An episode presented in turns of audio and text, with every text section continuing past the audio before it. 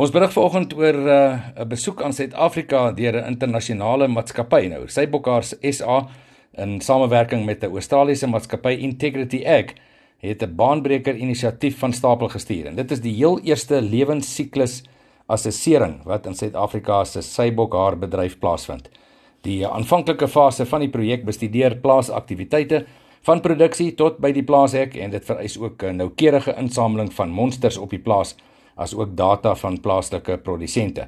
Steven Wiedemann as ook eh, Emma Longworth van Integrity Ag het ook onlangs besoek afgelê aan 'n Karoo plaas om die span te ontmoet wat verantwoordelik is vir die versameling van monsters op hierdie plaas en hulle missie het ook ingesluit om die span op te lei om aan die vereiste standaarde te kan voldoen.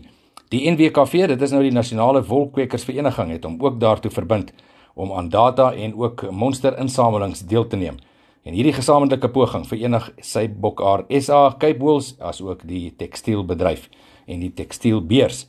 Brett Walker van uh, Long Acre het sy plaas uh, beskikbaar gestel vir die opleiding as ook die data insameling sessies. Al die nuus kom van uh, sy Bokaar SA.